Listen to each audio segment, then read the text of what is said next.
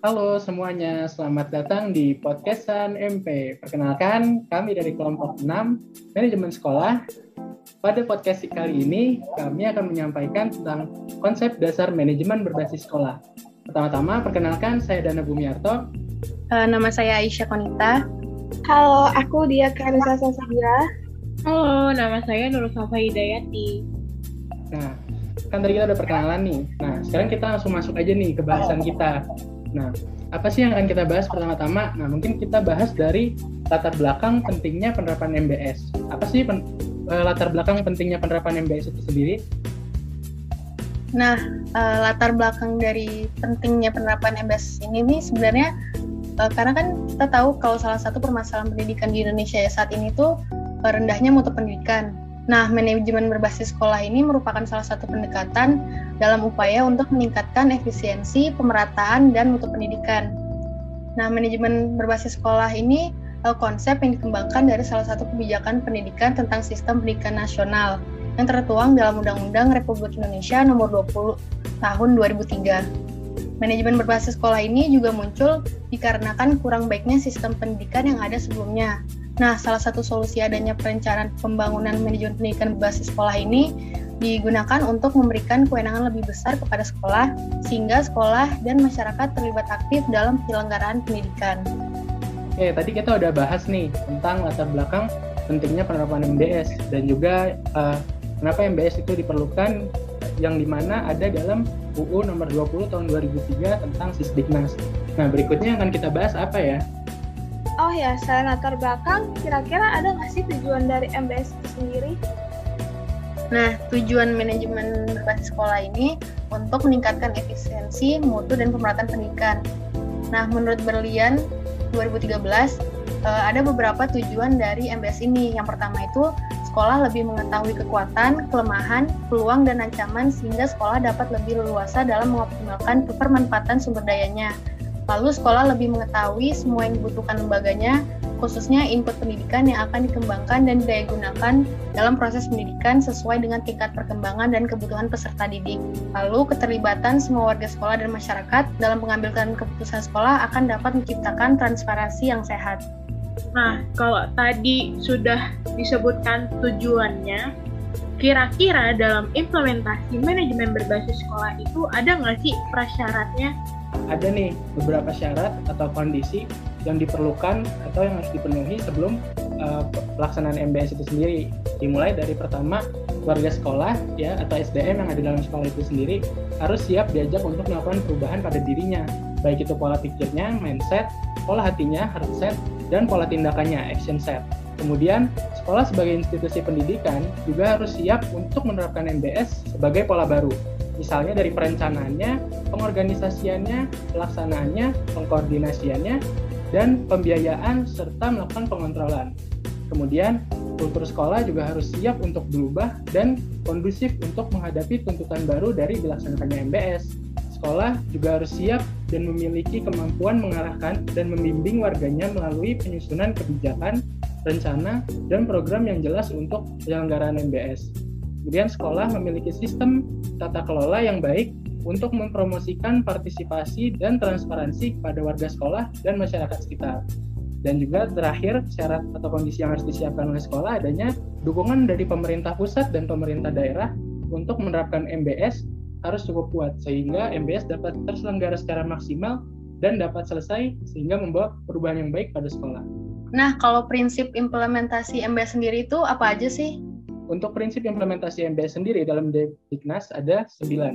Nah, yang pertama adanya prinsip keterbukaan, di mana di sini sekolah harus transparansi, baik itu dari persiapan dan juga pada pelaksanaan MBS. Kemudian adanya prinsip kebersamaan, di mana MBS ini bukan program perorangan atau untuk satu orang. Jadi diperlukan kebersamaan dan kerjasama dari berbagai pihak agar membuatnya uh, sukses. Kemudian adanya prinsip berkelanjutan, di mana MBS ini merupakan program yang panjang dan juga membutuhkan kerjasama dari berbagai pihak, sehingga tidak bisa selesai dalam waktu singkat.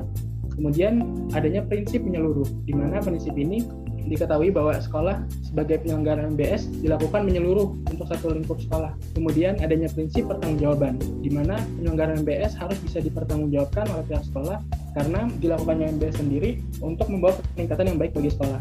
Yang berikutnya adanya prinsip demokratis, pelaksanaan MBS haruslah dilaksanakan berdasarkan keputusan bersama agar dapat terselenggara secara maksimal. Nah, ada juga prinsip yang berorientasi pada mutu karena MBS dilakukan untuk membuat peningkatan yang baik bagi sekolah sehingga diperlukan orientasi pada mutu. Kemudian prinsip pencapaian standar pelayanan dilakukannya MBS juga harus berprinsip untuk mencapai standar pelayanan minimal. Nah, yang terakhir ada prinsip pendidikan untuk semua, di mana MBS harus berpegang pada pendidikan untuk mengembangkan potensi peserta didik, agar nantinya sekolah sebagai institusi pendidikan bisa memberikan hasil yang maksimal kepada peserta didik dan dapat menjadi wadah bagi peserta didik untuk mengembangkan potensi yang dimilikinya. Setelah kita bahas tadi, ada prinsip implementasi MBS, apalagi ya yang harus kita bahas? Mungkin kita masuk ke bahasan dimensi manajemen berbasis sekolah. Nah, pas banget nih aku ketemu tentang materi dimensi manajemen berbasis sekolah. Jadi, dimensi manajemen berbasis sekolah ini terbagi menjadi dua pola, yaitu pola lama dan pola baru. Nah, MBS pada pola lama ini cenderung bersifat subordinasi, di mana uh, pengambilan keputusan itu bersifat terpusat. Nah, lalu MBS pada pola lama ini juga lebih mengontrol dan mengarahkan serta cenderung menghindari resiko yang terjadi.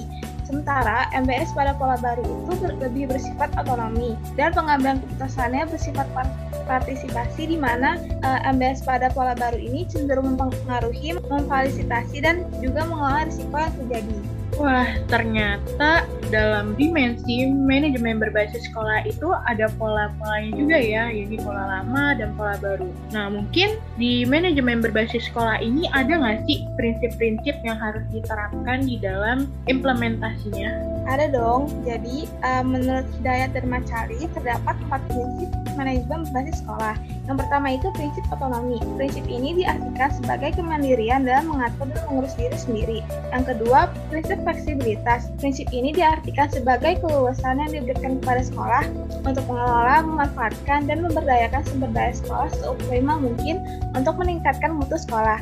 Prinsip yang ketiga yaitu prinsip partisipasi dapat diartikan dengan penciptaan lingkungan yang terbuka dan demokratik. Jadi uh, di sini adanya partisipasi dari uh, warga sekolah seperti guru, siswa maupun karyawan sekolah. Nah, prinsip yang terakhir itu yaitu prinsip inisiatif. Prinsip ini didasari atas konsepsi bahwa manusia bukanlah sumber daya yang statis, melainkan dinamis. Oleh karena itu, manusia harus selalu digali, ditemukan, dan dikembangkan untuk menjadi sumber daya inisiatif dalam pengelolaan pendidikan. Nah, kalau tahap-tahap uh, pelaksanaan MBS ini apa aja sih? Nah, dalam menerapkan MBS di sekolah, maka perlu langkah-langkah yang dilakukan secara bertahap sesuai dengan kondisi sekolah. Dalam tahapan ini perlu dicermati tahap implementasi dan indikator pencapaian hasilnya. Yang pertama, tahap implementasi secara umum. Implementasi MBS dikelompokkan menjadi tiga tahap, yaitu tahap pemahaman, tahap implementasi, dan tahap penguatan. Yang pertama, terkait tahap pemahaman, mencangkup ide dasar MBS pada jajaran Kemendikbud dan stakeholder, kejelasan karir dan kebijakan yang menjadi wewenang pusat, daerah, dan sekolah. Perubahan pola hubungan subordinasi, perubahan sikap dan perilaku baik pimpinan jajaran birokrasi maupun masyarakat, deregulasi aturan dan transparansi serta akuntabilitas. Kemudian yang kedua ada tahap implementasi, di mana tahap implementasi dapat dilakukan dengan berbagai syarat, di antaranya yang pertama, pihak sekolah dapat menerima informasi tentang MBS secara lengkap dan dapat diterima uh, maknanya secara fisiologis, logis, dan dapat dipertanggungjawabkan. Kemudian yang kedua, melakukan benchmarking ke sekolah yang telah menerapkan MBS terlebih dahulu. Kemudian yang ketiga menyusun tahap implementasi dalam ruang lingkup yang termudah terlebih dahulu. Yang keempat memulai implementasi sesuai dengan konteks lokal. Kemudian yang ketiga tahap penguatan, di mana penguatan implementasi MBS dilakukan secara simultan dari waktu ke waktu dengan melakukan evaluasi dan penguatan berkala sehingga diperoleh model implementasi yang benar-benar sesuai. Wah, ternyata banyak juga ya tahapan dari pelaksanaan MBS. Eh, eh, tapi ada nggak sih indikator dari pelaksanaan MBS itu sendiri? Nah, keberhasilan implementasi manajemen berbasis sekolah dapat dilihat dari indikator-indikator berikut. Yang pertama, orientasi ke arah efektivitas proses pembelajaran. Yang kedua, kepemimpinan sekolah yang efektif. Ketiga, pengelolaan tenaga pendidik. dan kependidikan secara berdaya guna. Yang empat, sekolah memiliki budaya mutu. Selanjutnya yang kelima, sekolah memiliki kemandirian. Yang keenam, partisipasi warga sekolah dan masyarakat yang tinggi. Yang ketujuh, sekolah semakin transparan. 8. Sekolah responsif terhadap kebutuhan. 9. Sekolah mempunyai akuntabilitas. Dan yang terakhir, kepuasan warga sekolah terhadap kewenangan, tanggung jawab, dan kepercayaan dalam melaksanakan tugas-tugas sekolah. Nah, kan tadi udah dibahas nih uh, berbagai macam nih, dimulai dari latar belakangnya, tujuan dari MBS, kemudian implementasi dari MBS, dimensi, dan juga ada berbagai tahap dari pelaksanaan MBS, dan juga indikator-indikatornya. Nah, berikutnya kayaknya kita bahas implementasi MBS di negara lain deh apa aja sih uh, dan juga bagaimana sih implementasi MBS di negara lain? Wah, pas banget nih aku nemu model MBS di Selandia Baru. Nah, jadi pada tahun 1989 di setiap sekolah itu memiliki dewan sekolah yang mayoritas anggotanya terdiri dari orang tua siswa yang keanggotaannya setuju oleh menteri. Nah, dewan sekolah inilah yang membuat kerangka kerja operasional di sekolah tersebut.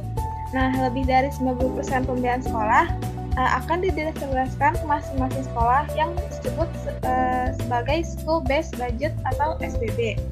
Nah, pada tahun 1949 dikeluarkan kan atau Education Act dan pada tahun 1990 sistem pendidikan dijalankan secara desentralistik.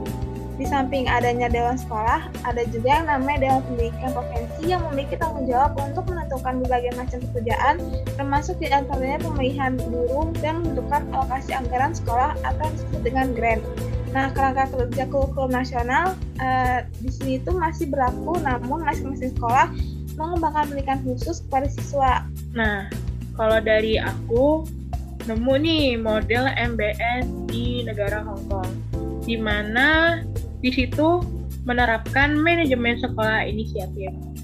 Problem pendidikan di Hong Kong sendiri mendorong munculnya MBS adalah struktur dan proses manajemen yang tidak memadai, peran dan tanggung jawab masing-masing pihak kurang dijabarkan secara jelas dan inisiatif datang dari atas. Jadi mereka menekankan pentingnya inisiatif dari sumber daya di sekolah sebagai pengganti inisiatif dari atas yang selama yang selama itu diterapkan. Dan inisiatif ini diberikan kepada sekolah harus dibarengi dengan diterapkannya transparansi dan akuntabilitas dalam pengelolaan pendidikan sehingga uh, termasuk dalam hasil penentuan siswa terkait uh, belajar mengajarnya itu harus bersifat secara transparansi dan akuntabilitas. Nah, bicara MBS di negara lain udah Kemudian gimana sih model MBS atau implementasi MBS di negara Indonesia ini? Nah, model MBS di Indonesia ini uh, jadi lebih memberikan otonomi itu lebih besar kepada sekolah, fleksibilitas kepada sekolah, dan mendorong partisipasi secara langsung warga sekolah dan masyarakat untuk meningkatkan mutu sekolah berdasarkan kebijakan pendidikan nasional serta peraturan perundang-undangan yang berlaku. Nah, otonomi sekolah ini kewenangan sekolah untuk mengatur dan mengurus kepentingan warga sekolah sesuai dengan peraturan perundang-undangan pendidikan nasional. Nah, dalam pengambilan keputusannya juga secara partisipatif, di mana pengambilan keputusan melalui penciptaan lingkungan yang terbuka. Jadi warga sekolah didorong untuk terlibat secara langsung dalam proses pengambilan keputusan yang dapat berkontribusi terhadap pencapaian tujuan pendidikan. Nah, jadi dari sini diharapkan uh, sekolah itu akan menjadi mandiri, dengan ciri-ciri tingkat kemandirian tinggi, adaptif, antisipatif, dan proaktif, lalu memiliki kontrol yang kuat terhadap input manajemen dan sumber dayanya, dan memiliki kontrol yang kuat terhadap kondisi kerja, komitmen yang tinggi, dan prestasi merupakan acuan bagi penilaiannya. Nah, kayaknya udah cukup banyak deh yang kita bicarain terkait dengan konsep dasar MBS dan juga bagaimana implementasi MBS di negara lain, serta implementasi MBS di negara Indonesia. Kayaknya kita cukupin aja dulu sampai sini uh, kami kelompok 6 mohon pamit undur diri. Mohon maaf bila ada salah kata. Wabillahi taufiq hidayah. Wassalamualaikum warahmatullahi wabarakatuh. Terima kasih. Terima kasih. Dadah. Terima kasih. Terima kasih. Dadah.